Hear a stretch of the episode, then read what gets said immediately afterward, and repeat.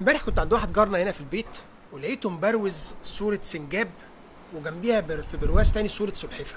فبقول له إيه دول؟ قال لي دول أنا تبنيتهم هنا في جنينة الحيوانات. قلت له يعني إيه تبنيتهم؟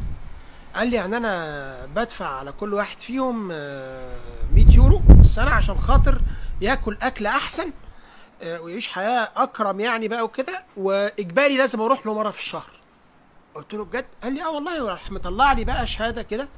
إن هو الأب الروحي بقى للسنجاب وهو الأب الروحي للسلحفة. قلت له أنت دفعت في الحوار ده 200 يورو؟ قال لي لا 600 أنا بقالي ثلاث سنين بعمل الحوار ده. طبعا أنا يعني مسكت نفسي جامد إن أنا ما أضحكش ورجعت البيت. هنا كانت بنتي نفسها في لعبة كنت بقول لها عليها غالية دخلت اشتريتها لها على طول أونلاين ما استنيتش. والتانية اللي كانت عايزة تتعشى عملتها لها في ساعتها. أصل هم مش هيبقوا أوحش من السنجاب والسلحفة. فيا جماعة اللي عنده عياله مضايقينه بالراحة يا جماعة العيال يعني في ناس بتتمحك عشان تبقى أب روحي لسنجاب أو أو سلحفة. يا حبيبتي خدي بالك هتقع منك خدي بالك. ف اهي وقعت يا بنت الكلب.